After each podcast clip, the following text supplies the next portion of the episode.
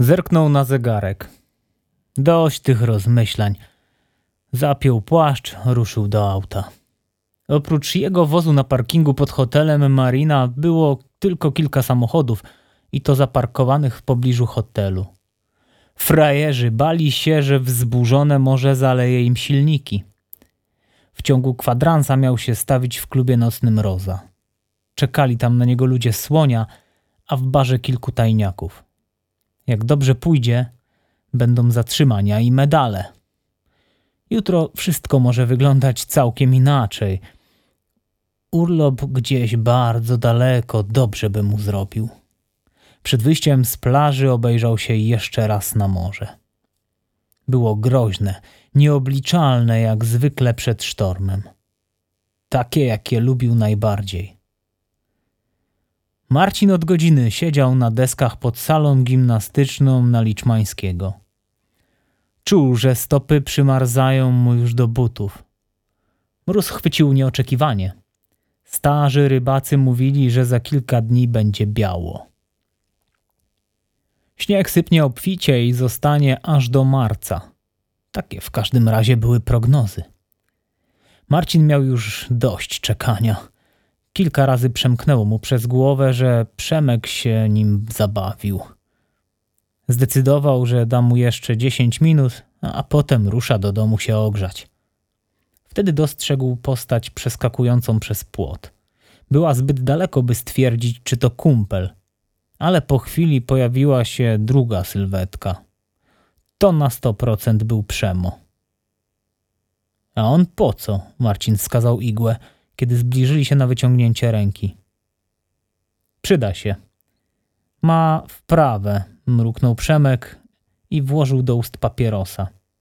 Nie mógł odpalić. Zmarznięta zapalniczka odmówiła współpracy. Igła służalczo wyjął zapałki i podał Przemkowi ogień. Dopiero wtedy brat Moniki zapytał: Masz? Marcin pochylił głowę. Próbowałem. Nikogo nie było w warsztacie. Zrobili sobie gwiazdkę albo szykują coś grubszego.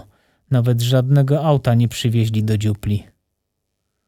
Przemek z trudem hamował wściekłość. I co teraz? Opadł na deski. Marcin sięgnął do puchówki, wyjął klucz do odkręcania kół, potem dołożył piłkę do metalu, worki foliowe, taśmę klejącą oraz gaz łzawiący. Co to jest? szepnął przerażony igła. Marcin spojrzał na niego z politowaniem. Klucz do odkręcania kół, wyjaśnił. Największy, jaki wyprodukowano, niemiecki. Przemek wstał, wziął do ręki metalową rurkę. Zamarkował cios. Filmów nie oglądałeś? Uśmiechnął się z satysfakcją. Papieros parzył mu usta, rzucił peta przed siebie. Zabić to łatwizna. Najtrudniej pozbyć się ciała. Mała zmiana planów, ale damy radę. Igła zamrugał powiekami, naciągnął ciaśniej kaptur na głowę. Nos miał czerwony, usta sine. Marcin dotknął jego kurtki, nie miała podpinki. Jak ty się ubrałeś? krzyknął. Masz stać na czatach. Zamarzniesz na kość. I jak nas ostrzeżesz? Zerwał mu czapkę z głowy. I jeszcze czapkę z plastiku założył. Matka cię nie kocha, czy jak? Przemek do tej pory zajęty oglądaniem przyniesionego przez Marcina sprzętu do krępowania odwrócił się gwałtownie. Ty, książę Staroń, odwal się od niego. Oni tam w bidulu nie mają wranglerów. Marcin przyjrzał się igle. Jesteś z domu dziecka? Kiwnięcie głową. Słowo? A po chwili już łagodniej. Nic nie mówiłeś. To już ci powiedział. Przemek stanął w obronie igły. W razie czego zamienimy się kurtkami. Marcin zawahał się, po czym zdjął puchówkę, ściągnął polar i dał igle. Nam i tak będzie gorąco. Podzielili się rolami, Marcin wyjął niebieski papierek i każdy z nich wtarł sobie w dziąsła trochę kwasu. Czas na nas, panowie, zdecydował Przemek. Sześć dni później Maria Staroń otworzyła drzwi i zobaczyła w nich swojego brata oraz pobitego mężczyznę z opatrunkiem na głowie, podtrzymywanego przez trzech funkcjonariuszy w mundurach. Jeden z nich był wielki jak szafa gdańska. Mimo wzrostu nie nosił nakrycia głowy i świecił łysą pałą. Nos miał zaczerwieniony, usta grube, spękane. W białej puchowej kurtce przypominał śniegowego bałwana. Znała go z widzenia. Pomyślała wtedy, że już rozumie, dlaczego mówią na niego buli. Była dziesiąta rano. Wieczorem szli do Grand Hotelu na bal sylwestrowy. Maria była już w futrze, gotowa do wyjścia. Przed pojawieniem się niespodziewanych gości malowała przed lustrem usta marchewkową szminką. Niechcący ubrudziła sobie zęby. Przyszło jej do głowy, że to zły znak. W nowym futrze z lisów było jej już trochę gorąco. Stuknęła w drzwi toalety zniecierpliwiona. Moment. Usłyszała odgłos przesuwania pojemników na bieliznę, a potem strumień wody w umywalce. Widziała zarys postaci męża krzątającego się w toalecie. Była przekonana, że Sławomir coś chował w pojemniku na pranie. Zamierzała po powrocie sprawdzić, co tam ukrył. Idę, padło z za drzwi łazienki. Obejrzała się za siebie. Wojtek siedział na krześle przy wejściu z Walkmanem na uszach. Wpatrywał się w telewizor, bił kolejny rekord w Tetris. Cierpliwie czekał. Sławomir za chwilę miał zawieść jego i żonę do kościoła. Marcin się z nimi nie wybierał, nawet nie wstał na śniadanie. Od lat się nie spowiadał, ale w tym roku pierwszy raz nie wziął też udziału w kolacji wigilijnej. Włóczył się cały wieczór po mieście. Ojciec nawet chciał iść na policję. Kiedy wrócił, oświadczył: Boga nie ma. Po czym odmówił jedzenia i ruszył do siebie na górę. Potem przez całe lata Maria żałowała, że tego dnia nie wyjechali do kościoła choć chwilę wcześniej. Może nie straciliby całego majątku. Sławek nie trafiłby do więzienia, a ona nie musiałaby się wstydzić za brata, który nie ma litości nawet dla własnej rodziny. Mogła też, zanim otworzyła drzwi, spojrzeć przez wizjer i dać znak mężowi, by wyszedł tylnym wyjściem. Choć pewnie i tak nie uciekliby ze względu na Marcina. Żadna matka nie zostawi dziecka, kiedy zwietrzy niebezpieczeństwo. Aspirant Konrad Waligura – Komenda rejonowa Gdańsk 34, sekcja operacyjno-rozpoznawcza. Czy poznaje pani ten przedmiot? Jeden z funkcjonariuszy podsunął Marii metalową rurkę w torebce na dowody rzeczowe. Kobieta zrobiła krok w tył.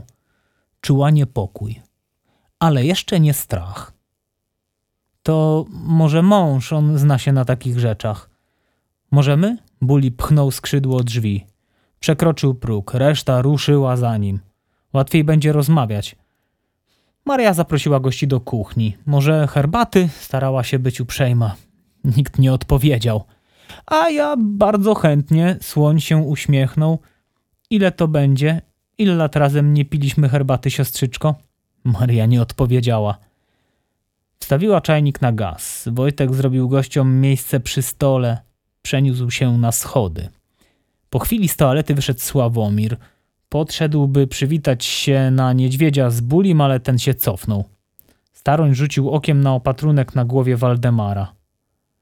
Spocznij, trochę się zejdzie. Buli wskazał krzesło Sławomirowi, potem zdjął kurtkę. Zawiesił ją na wieszaku. Pogładził, jakby była żywym stworzeniem. Miał na sobie czarny golf i wojskowe bojówki. Może pani pojedzie do miasta? Fryzjer, kosmetyczka, Zwrócił się do Marii. Słucham? Kobieta zamrugała powiekami. Jest Sylwester. Radziłbym, wtrącił się słoń i zaśmiał. Czego się nie robi dla urody? Dzieciaka też lepiej zabrać, wskazał Wojtka. Chłopak podniósł głowę. Pierwszy raz oderwał się od gry. Obserwował sytuację bez słowa. Jedźcie. Sławomir bardzo spokojnie zwrócił się do żony. Zabierz go, Marysiu. Wszystko będzie dobrze. Kobieta patrzyła chwilę na męża, nic nie rozumiejąc, wreszcie się wyprostowała. To mój dom. Spojrzała na słonia wyzywająco. Nie będziesz mi rozkazywał. Zdjęła futro, usiadła przy stole. Dała znak synowi, by poszedł do siebie. Wojtek powoli ruszył na górę. Zatrzymał się jednak na półpiętrze, skąd miał dobry widok na salon z kuchnią. Ściągnął słuchawki, oparł się o balustradę. Dalej wszystko potoczyło się błyskawicznie. Sławomir rzucił się do ucieczki. Maria zaczęła rozpaczliwie wzywać pomocy. Słoń wstał z wózka, przyciągnął do siebie siostrę i zatkał jej usta. Kobieta początkowo wiła się, kopała, ale kiedy spostrzegła, co robią jej mężowi, zrozumiała, że jedynym ratunkiem jest się poddać. Jeśli zabiją ich oboje, synowie będą sierotami. Sławomir nie zdołał dobyć do korytarza. Dwaj mundurowi schwycili go pod ramiona. Buli katował go ręką uzbrojoną w kastet, a potem metalową rurką, której nie wyjął z plastikowej torebki na dowody. Tą samą, którą chłopcy zostawili w pokoju Waldemara w Rozie, zanim uciekli przed brygadą antyterrorystyczną.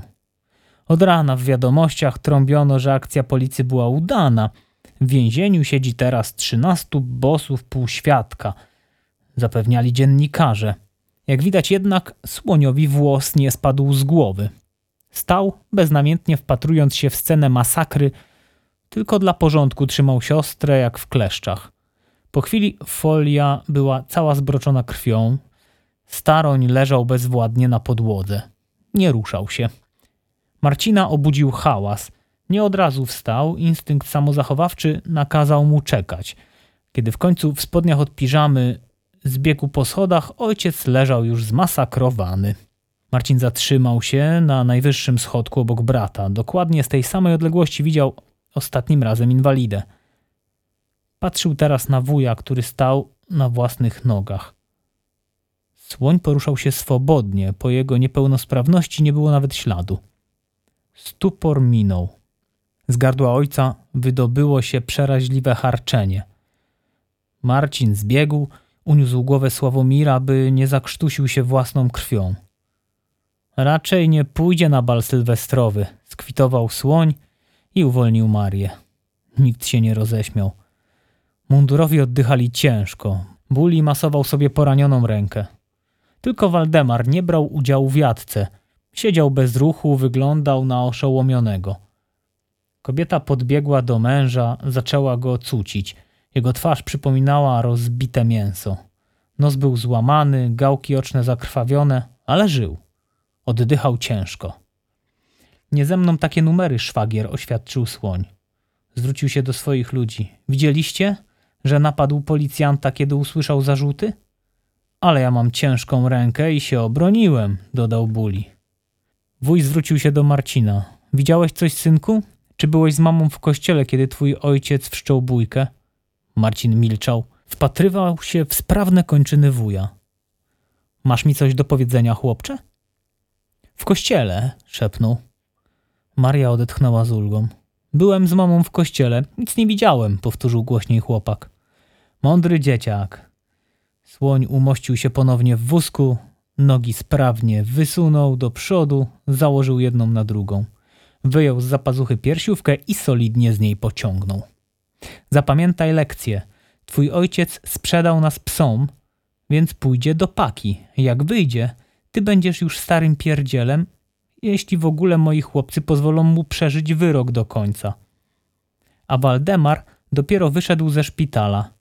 Nie dolega mu nic więcej niż twojemu staremu będzie dolegało pojutrze. Jednak muszę znaleźć sobie innego kierowcę, bo nie wygląda już tak ładnie jak kiedyś. Zresztą kto to widział, żeby ślepy wodził kulawego? Dopiero teraz Marcin zrozumiał, dlaczego Waldemar siedzi tak apatycznie. Mężczyzna nie widział. Co mu zrobiliście? wyszeptał. Tak kończą kapusie, odparł słoń. Włączył przycisk na oparciu wózka i podjechał do wyjścia. Albo ktoś jest ze mną, albo przeciwko mnie. To prosta zasada, łatwo zapamiętać. Ojciec Marcina nie był w stanie utrzymać prosto głowy, ale kiedy słoń przejeżdżał obok niego, resztką sił podniósł się i splunął mu na buty. Będziesz się smażył w piekle, antychryście, wychrypiał, wzbudzając ogólne rozbawienie. I wiedz, że masz donosiciela w drużynie, bo to nie ja cię sprzedałem. ale tym razem się nie wymigasz. Słoń wstał, podszedł do szwagra, po czym włożył mu palec do oczodołu. Rozległ się rozpaczliwy skowyt. Marcin zamknął oczy, ale się nie rozpłakał. Dobra, to pożartowaliśmy. Słoń zwrócił się do siostrzeńca. Gdzie mieszka ten dzieciak? Marcin w pierwszej chwili nie zrozumiał, co, co wujowi chodzi. Patrzył na słonia sparaliżowany strachem. Matka łkała rozpaczliwie, cała się trzęsła. Kto? wyszeptał. Brat tej dziewczyny, który groził Waldemarowi. Groził? Ten, który mu zawinął klamkę. Jest nasza, nie strugaj idioty. Nie wiem, skłamał Marcin. Jeśli chcesz kłamać, rób to częściej, bo ci nie wychodzi. Słoń prychnął pogardliwie. Myślisz, że się nie dowiemy? Falowiec, ale który?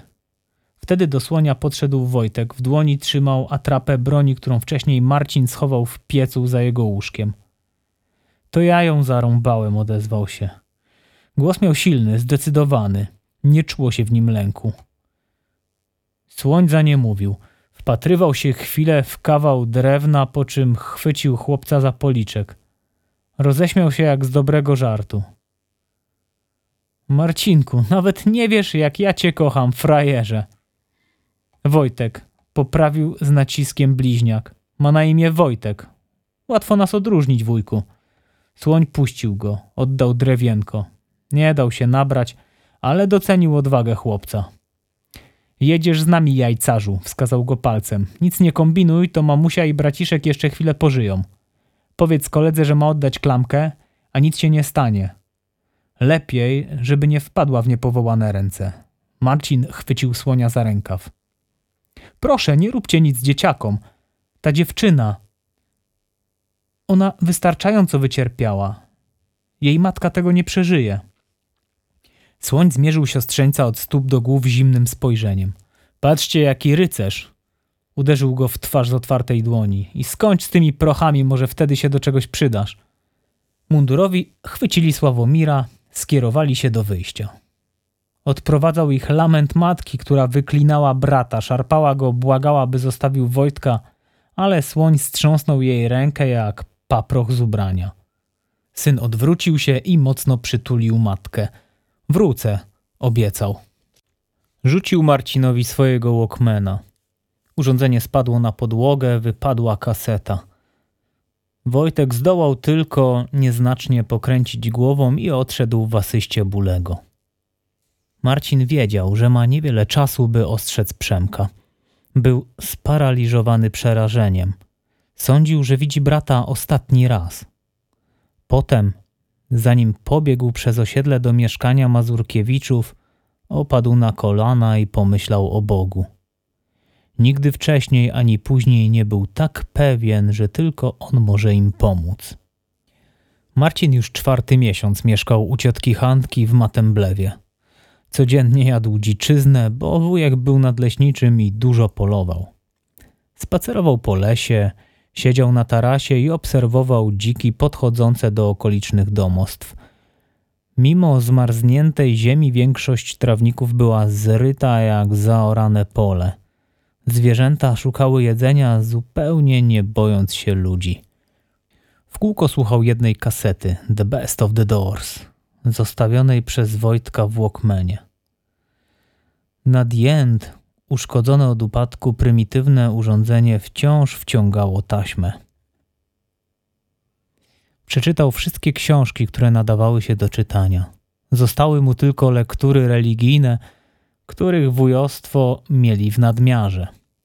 O papieżu, opowieści biblijne i kościelne gazetki z sanktuarium Matki Bożej Brzemiennej. Nie tykał ich. Wyjechali z Gdańska następnego dnia po aresztowaniu ojca. Spakowali się do jednej walizki i uciekli autobusem. Prokurator postawił ojcu zarzuty udziału w zorganizowanej grupie przestępczej. Poza tym przemytu kradzionych aut, paserstwa, gruźb karalnych wobec słonia i próby ucieczki oraz pobicia funkcjonariusza podczas zatrzymania. Zabezpieczono cały majątek. Komornik wszedł im na dolarowe lokaty. Zrobiono z ojca przestępcę, Przeciwko niemu zeznawało kilkudziesięciu świadków. Do młodszej siostry w Hamburgu matka wysłała najpierw Wojtka. Bała się, że to na nim skupi się zemsta słonia. Poza tym wiadomo było, że Wojtek lepiej sobie poradzi bez rodziny niż Marcin. Wujostwo zapewniali, że chłopak dobrze się sprawuje, szybko łapie język, przydaje się w księgowości. Wojtek się nie skarżył i jak zwykle nie sprawiał kłopotów. Napisał dwa akuratne listy, a potem przestał się odzywać. Kiedy do niego dzwonili, odpowiadał półsłówkami. Marcin miał do niego dołączyć, ale wuj stawiał opór przed przyjęciem pod swój dach kolejnego siostrzeńca. Oficjalnie mówiono o wydatkach. Matka nie miała czym zapłacić. Wszystkie pieniądze, jakie im zostały, poszły na prawników, by uwolnić ojca. Maria sprzedała za bezcen kosztowności, futra, porcelanę. Wszystko, co dało się spieniężyć, a na czym nie zdążył położyć ręki komornik. Znalazła też pracę jako sprzątaczka w szpitalu. Nie miała wykształcenia. Młodo wyszła za mąż, nigdy wcześniej nie pracowała. Teraz nocami myła podłogi, wylewała mocz z kaczek. Była nawet zdolna do tych nocnych dyżurów, mniej się wstydziła. Kiedy przyjeżdżała odwiedzić syna, głównie odsypiała. Była przybita, zmęczona i nikła w oczach. Któregoś razu Marcin podsłuchał, jak skarży się siostrze, że tak naprawdę wuj odmawia przyjęcia Marcina ze względu na jego złą opinię oraz uzależnienie od narkotyków. To nim tąpnęło. Połowa jego bagażu to były książki. Zamierzał wrócić i zdać wszystkie egzaminy. Matka przywiozła mu gitarę, ale ani razu na niej nie zagrał. Ciotka Hanka dbała o niego jako ofiarę tragedii. Trzęsła się nad nim, karmiła, reagowała na najlżejsze mrugnięcie okiem. Może dlatego, że sama nie miała potomstwa. Każdej niedzieli modliła się do figury Madonny Brzemiennej w sanktuarium. Wracała zarumieniona, zdawała się cieszyć, że ma pod swoim dachem dziecko. Obiecała siostrze, że Marcin będzie u nich mieszkać do chwili, aż sytuacja się wyjaśni. Nawet zawsze. Proponowała też, by i Maria się do nich przeprowadziła, ale siostra konsekwentnie odmawiała. Bała się, że kiedy wyjedzie z wrzeszcza, zabiorą im dom. Wierzyła, że jak tylko mąż wróci, wszystko będzie jak dawniej. Ale mijały kolejne miesiące, a happy end nie następował. Ciotka Hanka najbardziej martwiła się o Marię. Siostra schudła, wyglądała jak ofiara Holokaustu. Jakby nagle dopadła ją śmiertelna choroba i zżerała od środka. Hanna przekonywała, że powinna przestać się zamartwiać, wierzyć, że wszystko będzie dobrze. Maria odpowiadała, że jej jest łatwiej, bo głęboko wierzy w Boga. Ona nie potrafi. Czy Bóg pozwoliłby na coś takiego? Z czasem Maria przestała przyjeżdżać. To z ciotką Marcin spędzał najwięcej czasu. Codziennie opowiadała mu o słoniu. Wciąż się za niego modliła i prosiła Boga o litość. Próbowała tłumaczyć brata, że po śmierci rodziny wstąpił w niego demon. Któregoś dnia wpadła na pomysł i natychmiast podzieliła się nim z mężem.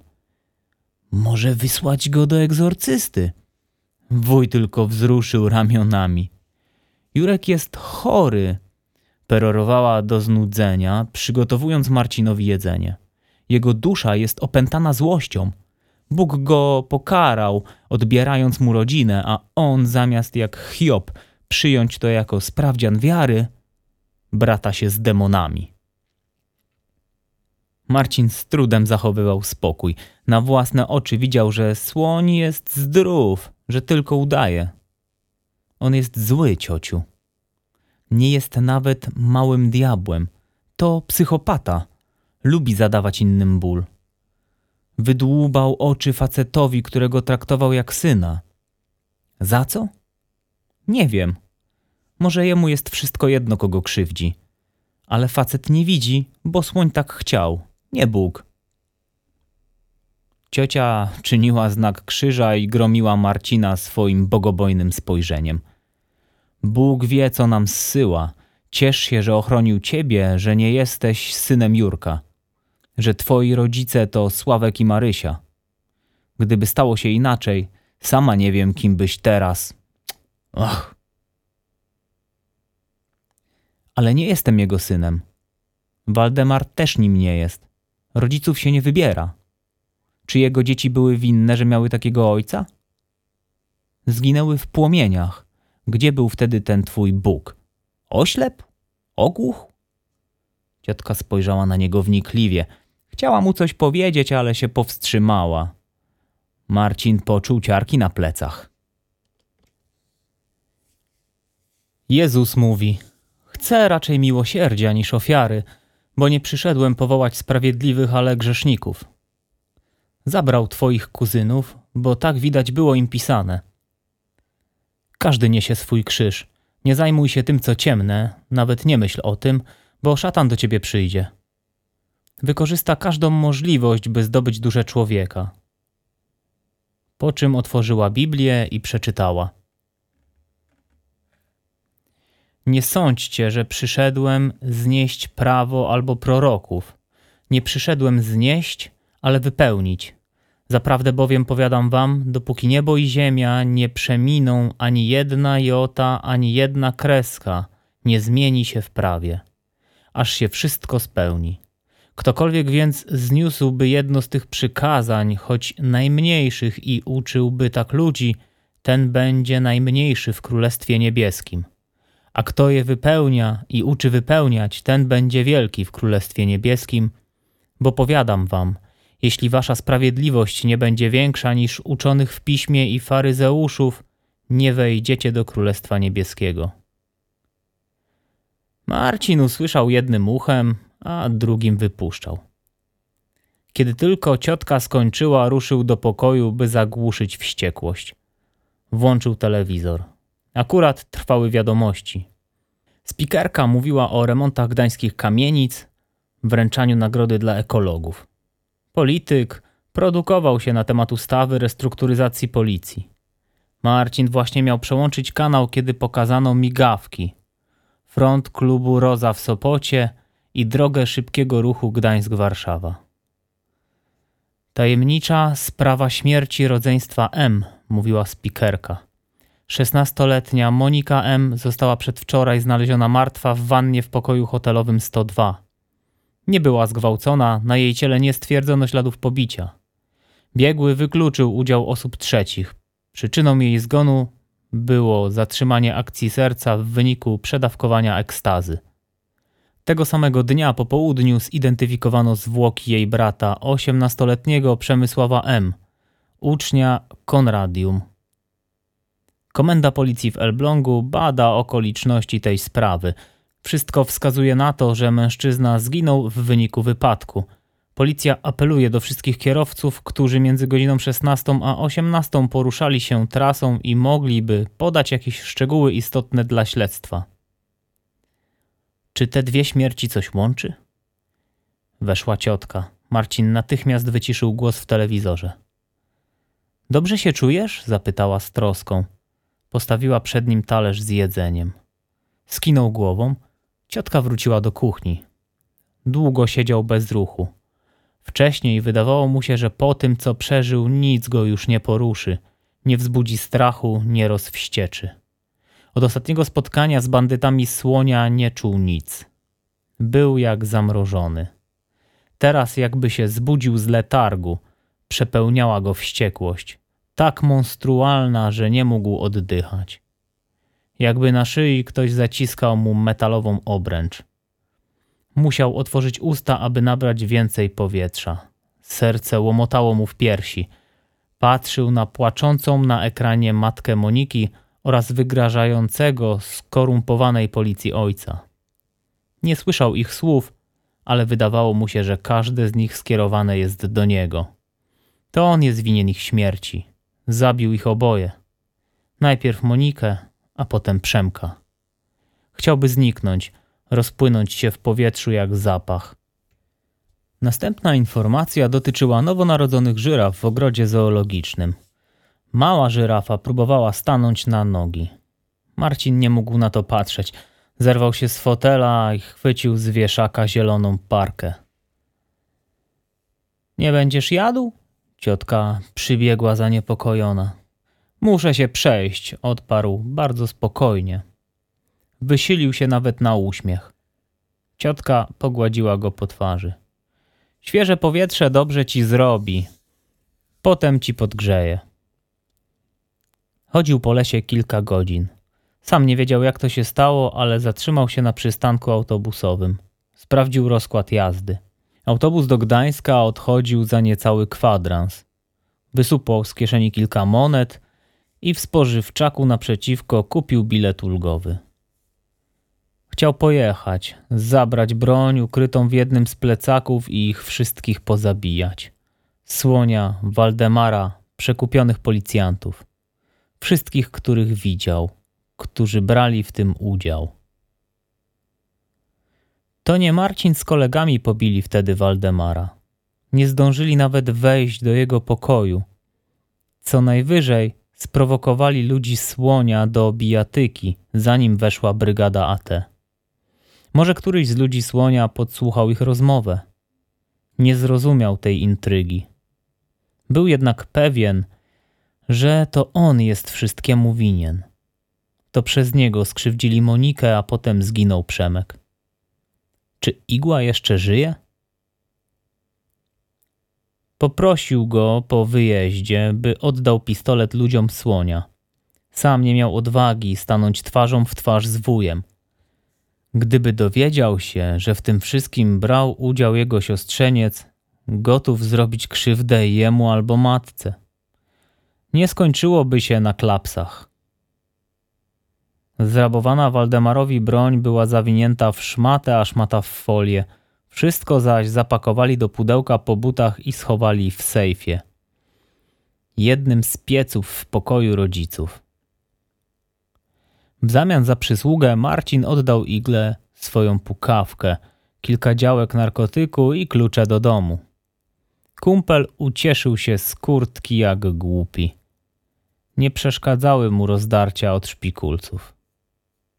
Ale kilka dni później, kiedy Marcin liczył, że sprawa jest już załatwiona, Igła przez zaprzyjaźnionego taksówkarza przysłał mu kasetę. Poganie, kochaj i obrażaj. Róż Europy. Był w niej ukryty liścik. Igła pisał, że nie dał rady i wyjeżdża z miasta. Prosił, by Marcin zadzwonił do sklepu spożywczego naprzeciwko Bidula. Będzie czekał o szesnastej. Udało im się wtedy pomówić zaledwie przez kilka minut. Igła dwukrotnie był w domu Staroniów. Raz nawet miał okazję wyjąć pistolet z pieca, ale nie zdążył. Nakryła mnie twoja matka, relacjonował. Zadzwoniła do Dyra Bidula. Zgłosiła, że się do niej włamałem i chciałem obrabować. Trzeci raz nie będę próbował.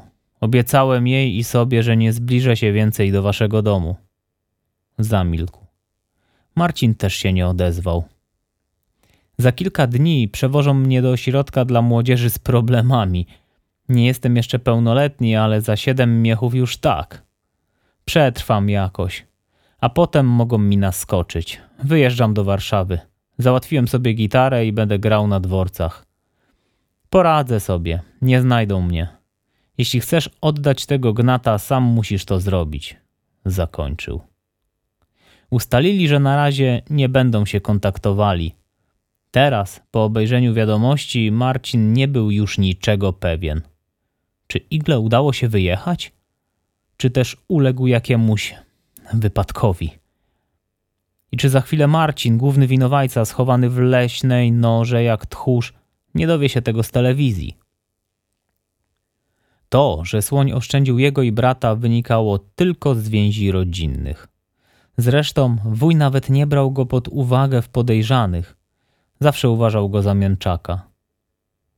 Ostatni raz Marcin spotkał się z kumplami na plaży.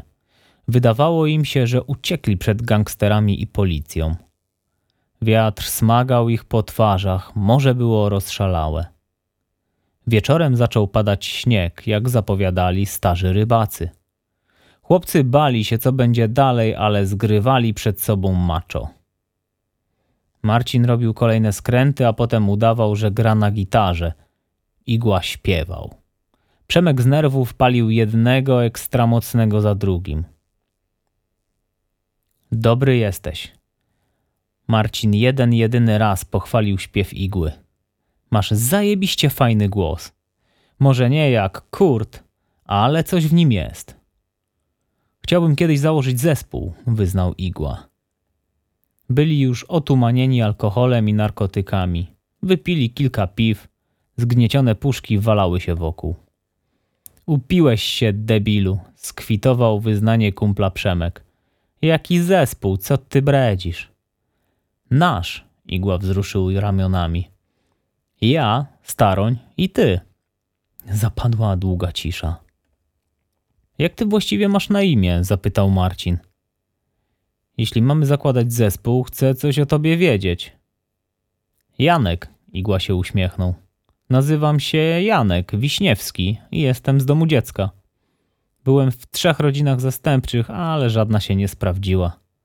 Teraz już wszystko o mnie wiesz. Wypalili już całą trawę. Nie udało nam się, powiedział bardzo wolno staroń. Trudem składał słowa. Zdawało mu się, że trwa to wieczność. Ujarałem się, dodał i zachichotał. Może to i lepiej, wtrącił igła poważnie. Nie pójdziemy siedzieć, założymy zespół. Spróbujemy jeszcze raz. Przemek wyciągnął pistolet Waldemara. Była to czarna gazówka, domowym sposobem przerobiona na broń ostrą. Na lufie widać było nacięcia do nakręcania tłumika. Nie było go w komplecie, kiedy kradli spluwę Waldemarowi. Żaden z nich nie znał się na broni, ale wiedzieli, jak Waldemar ją ładował. Zdawało się to łatwe. Zdążyli też zgarnąć niepełne pudełko amunicji. Przemek wyjął swoją atrapę i oddał Marcinowi. Zabawka jest twoja, ja biorę gnata. Ty tu jesteś szefem. Marcin się uśmiechnął. Podobał mu się upominek. Jasne, poparł go igła. Widać było, że też chce należeć do drużyny, ale trzeciego pistoletu nie było. Marcin dał mu potrzymać atrapę. Igła jednak gorącym wzrokiem wpatrywał się w prawdziwą broń. Mówił jak w transie. Do trzech razy sztuka, a jak nas złapią, możemy grać w puszce. Znów rwany śmiech. Marcin doznał nagłego przebłysku świadomości. A dlaczego do trzech? Przemek był najtrzeźwiejszy. Pacnął kumpla w ramię. Bo jest nas trzech, debilu.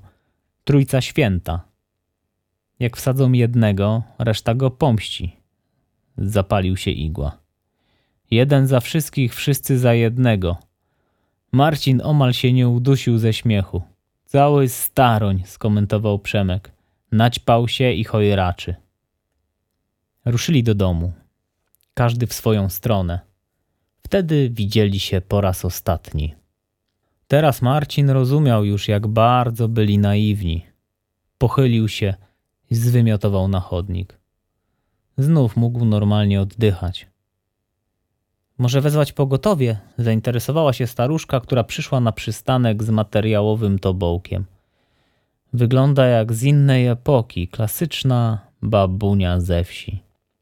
Ma pani może jakąś kartkę i długopis? zapytał w odpowiedzi. Wpadłem na pewien pomysł. Kobieta spojrzała na niego zaskoczona. Nieważne, machnął ręką. Odprowadziła go wzrokiem, kiedy przebiegał przez ulicę, by zwrócić bilet, ale ekspedientka nie chciała mu oddać pieniędzy. Kłóciła się, że czas minął, autobus właśnie podjeżdża na przystanek. Marcin do niego nie wsiadł. Ruszył wzdłuż chodnika. Kiedy pojazd włączał się do ruchu, zatrzymał się. Sam nie wiedział dlaczego. Wsłuchiwał się w rytmicznie pracujący silnik. Przypominał ryk pomarańczowej torpedy. Od tego auta wszystko się zaczęło. Autobus rozpędził się już na prostej. Był tuż obok niego. Marcin odwrócił się i zrobił jeden krok wprost przed jego maskę. Ostatnie, co pamiętał, to Monika. Łuk jej ramienia, długie kościste palce u stóp. Potem wszystko zasłoniła mgła.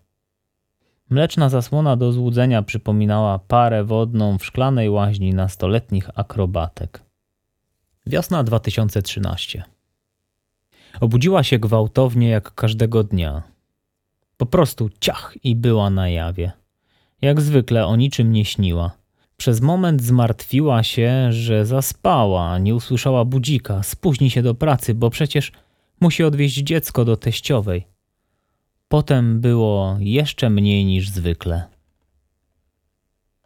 Nic nie widziała. Wszystko spowijała mleczna zasłona. Zacisnęła powieki. Nie była sama. Słyszała szmery, jakby ktoś zgniatał kawałki folii. W tle ciche rozmowy i pulsujące pik, pik, pik. Nie rozumiała dobiegających do jej uszu słów.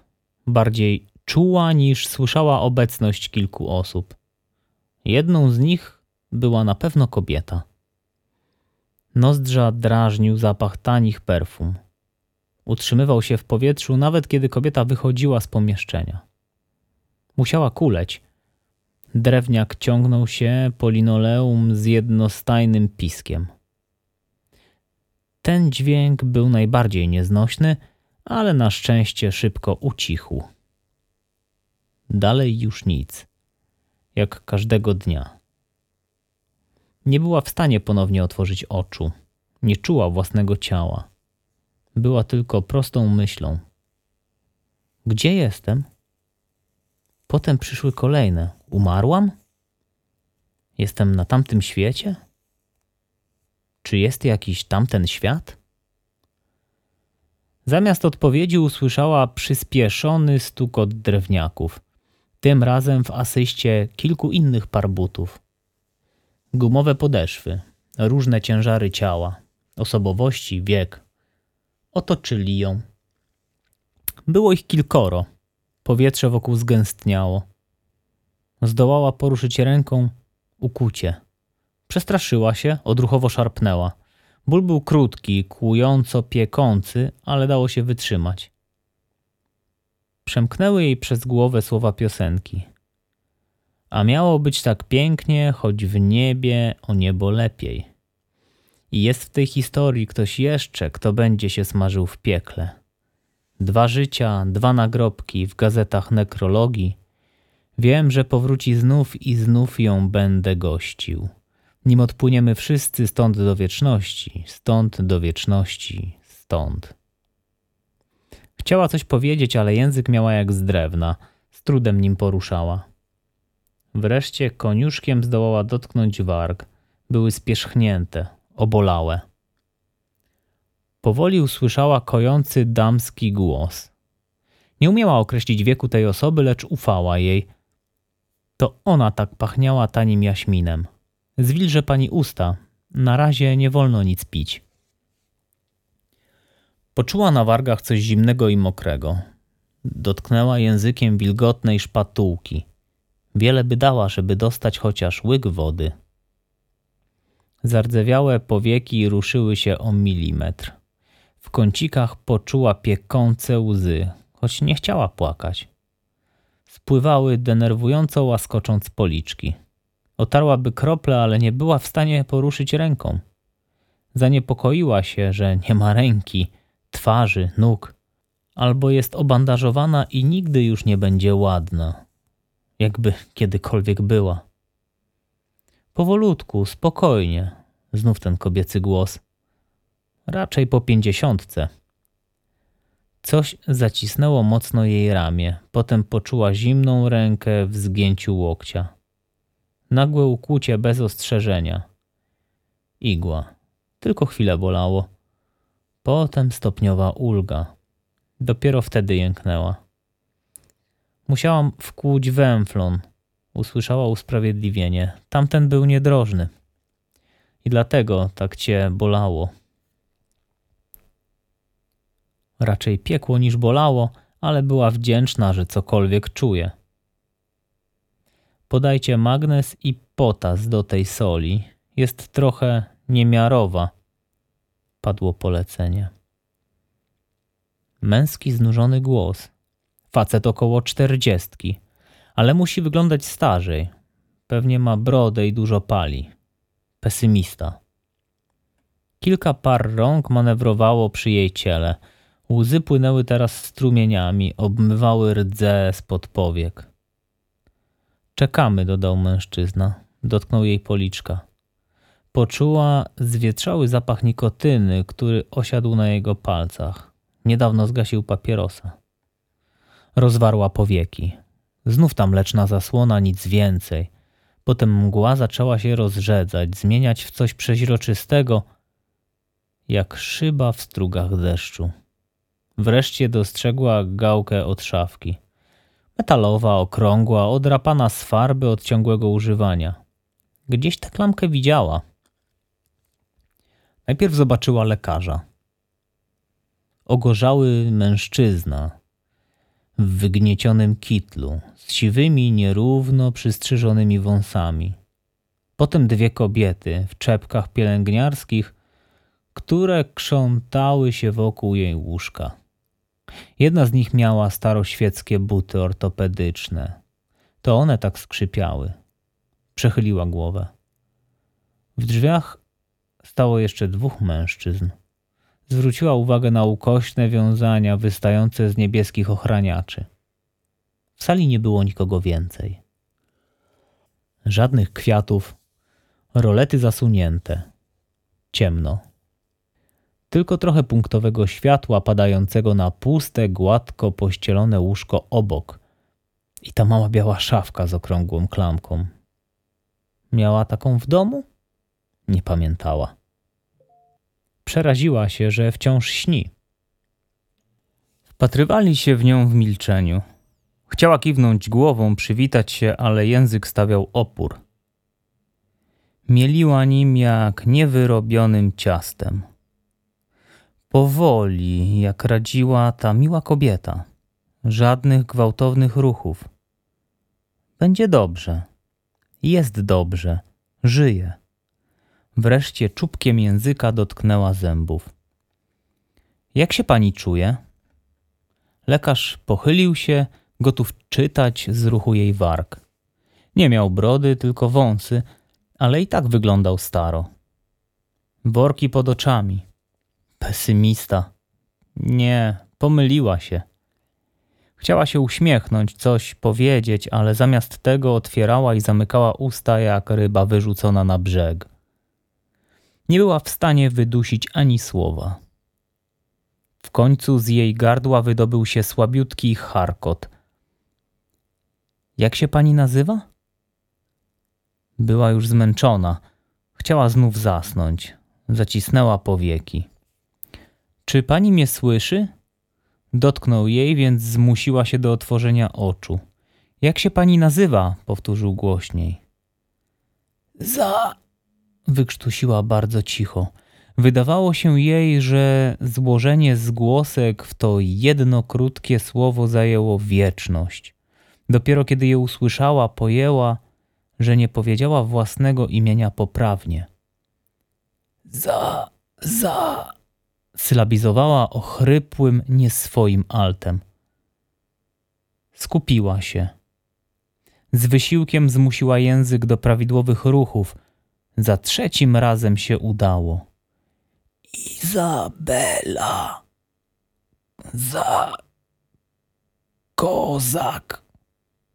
Twarz lekarza nie wyrażała teraz żadnych emocji, ale pielęgniarka uśmiechała się jakby wraz z Izą budziła się na nowo do życia. Ile pani ma lat? Chciała powiedzieć trzydzieści dziewięć. Nadludzki, bezskuteczny wysiłek. Ryba znów łapała powietrze. Trzydzieści dziewięć. Czy ktokolwiek myślał nad tym, jak trudne są polskie liczebniki? Wolałabym już mieć czterdzieści albo sto. Sto jest takie łatwe. Ży... Dzięc. Zapowietrzyła się. Bolało ją gardło, co znacznie utrudniało mówienie. Zaczęła kaszleć, dopiero teraz poczuła rozdzierający ból w okolicy podbrzusza.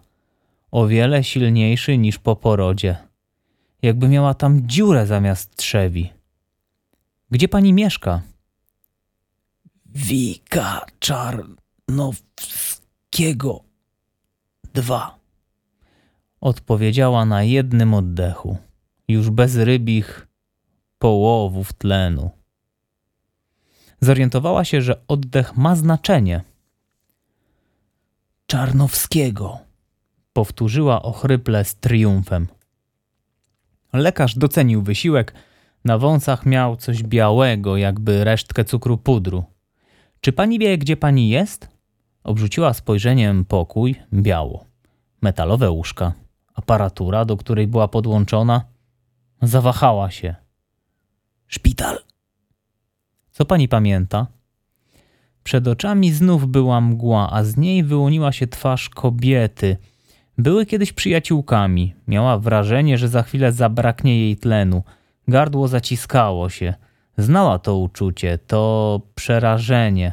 Ono było ostatnie i dokładnie je pamiętała. I jest w tej historii ktoś jeszcze, kto będzie się smażył w piekle. Język zdrewniał. Znów nie mogła wydusić ani słowa.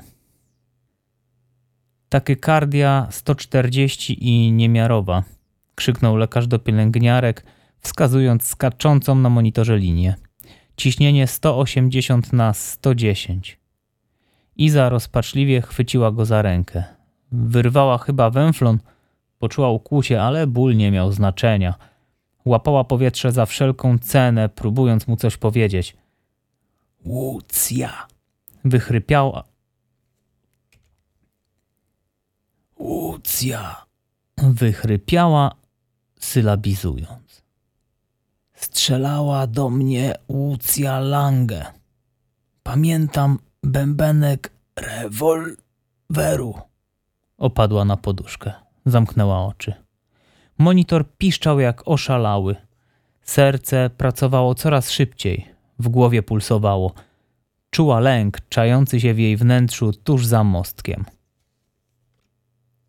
Isoptin czterdziestkę, zarządził lekarz. Lęk zmniejszył się wyraźnie. Uderzenia serca zwolniły.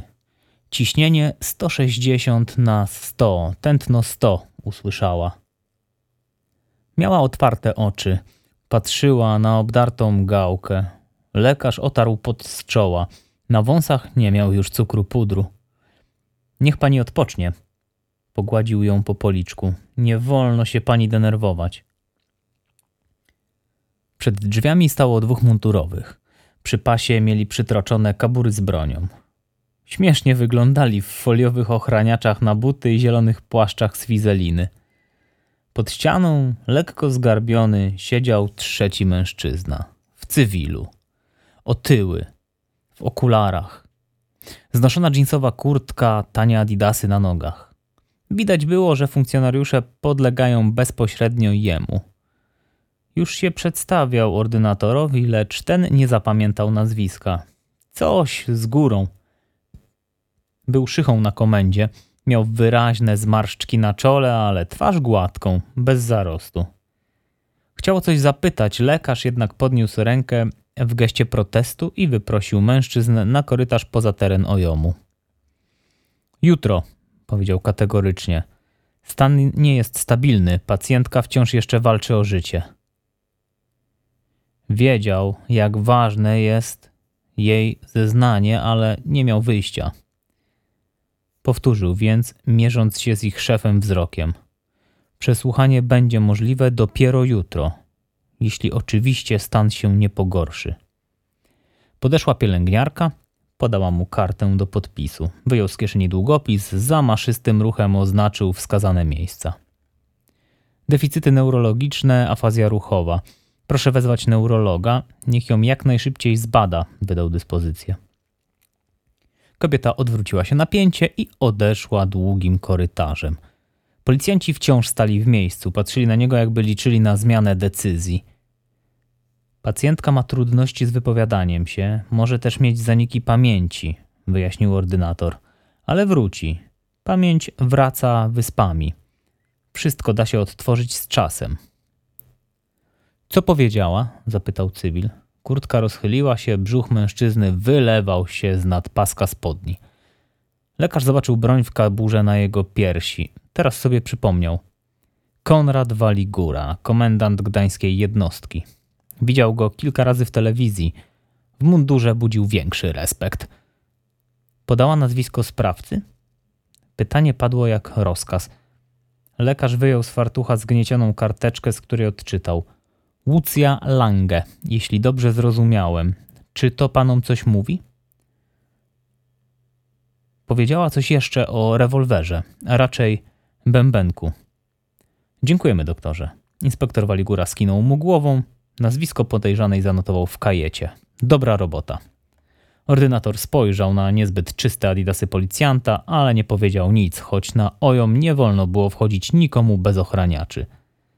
Dobrze by było, żeby cały czas rozmawiała z nią jedna osoba, podkreślił, jeśli to oczywiście możliwe. Wrócił na oddział, znalazł na liście numer do pokoju dyżurnego neurologa. Proszę o konsultację u pacjentki po postrzale. Wybudziliśmy ją, kiepsko mówi – Wydaje mi się, że to coś więcej niż rurka intubacyjna. Prawy kąt ust ma opadnięty. Bardzo dziękuję, pani doktor. Odłożył słuchawkę. Dopiero teraz poczuł, jak bardzo jest zmęczony. Jego dyżur powinien był skończyć się 11 godzin temu. Osobiście przeprowadził operację, z trudem uratowali tę kobietę. Teraz stres odpuszczał, a on ledwie trzymał się na nogach tydzień wcześniej. Palma bije, nie zabije, kości nie połamie. Pamiętajcie, chrześcijanie, że za tydzień z martwych wstanie. Siedem drewnianych paczek oblepionych kodami kreskowymi brytyjskiej poczty lotniczo stało na środku bielonej podłogi. Ich fronty były pokryte warstewką śniegu. Błyskawicznie rozpuszczał się w ciepłym pomieszczeniu i tworzył na podłodze brudną kałużę. Sasza Załuska Rozcięła folię zabezpieczającą, metodycznie rozdzierała ją i pakowała do worka na śmieci.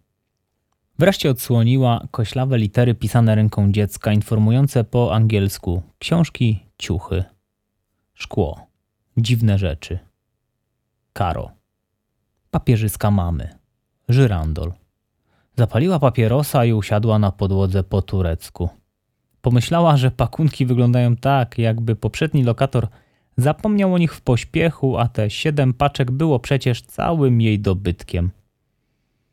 Zestarzałam się, pomyślała. Zaczynam chomikować. Jeszcze dziesięć lat temu mieściła wszystko w bagażniku Volvo 740.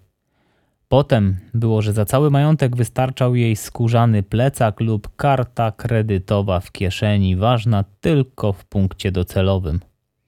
Teraz ma 36 lat i 7 małych kontenerów wypełnionych po brzegi. A ile paczek zostało jeszcze w Sheffield? Podpisanych, profesjonalnie owiniętych folią bąbelkową? W ostatniej chwili zdecydowała, że nie zabierze ich do Polski. Z taką ilością rzeczy bardzo trudno uciekać. Klucze do mieszkania odebrała dziś rano w kiosku na gdańskim lotnisku wraz z mapą dojazdu i kartką, na której określono maczkiem dobrego nowego życia D. Nigdy nie widziała mężczyzny, który wynajął jej to mieszkanie. Ogłoszenie znalazła na Gumtree. Secesyjna dwupiętrowa kamienica z 1910 roku przy królowej Jadwigi, zaledwie 300 metrów od plaży. Mieszkanie znajdowało się na drugim piętrze i miało dwa poziomy. Skontaktowali się przez Skype. Dostała cztery zdjęcia. 120 metrów wszechobecnej bieli ze ścianą wielkich okien wychodzących na cichą uliczkę. Stare, ładnie zachowane deski na podłodze odsłonięta bielona cegła na ścianach. Do mola przy Mąciaku miała trzy minuty, wliczając zejście po schodach. Nie wierzyła, że w Polsce są takie miejsca do życia. Od razu zdecydowała się na wynajem, choć mogła negocjować cenę. Facet bardzo się ucieszył. Podał kontakt do przyrodniego brata. Od niego Sasza dowiedziała się o najemcy więcej – Genialny fotograf, chyba miał długi, też uciekał. Swoje rzeczy rozdał znajomym. Zapytał, czy coś jej się podoba. Kazała zostawić sprzęty w kuchni, jasną sofę z Ikei, stary stół z nielakierowanego drewna oraz czerwoną komodę z szufladami. Trafi do niej zestaw dziwnych rzeczy jej córki Karoliny. Pomiędzy lalkami Barbie i pastelowymi jednorożcami były tam zdobione szkatułki, szklane kule z różnych miast świata i dewocjonalia. Córka uwielbiała religijną tandetę. Fluorescencyjne Matki Boskie brały udział w zabawach z jednorożcami i kucykami pony.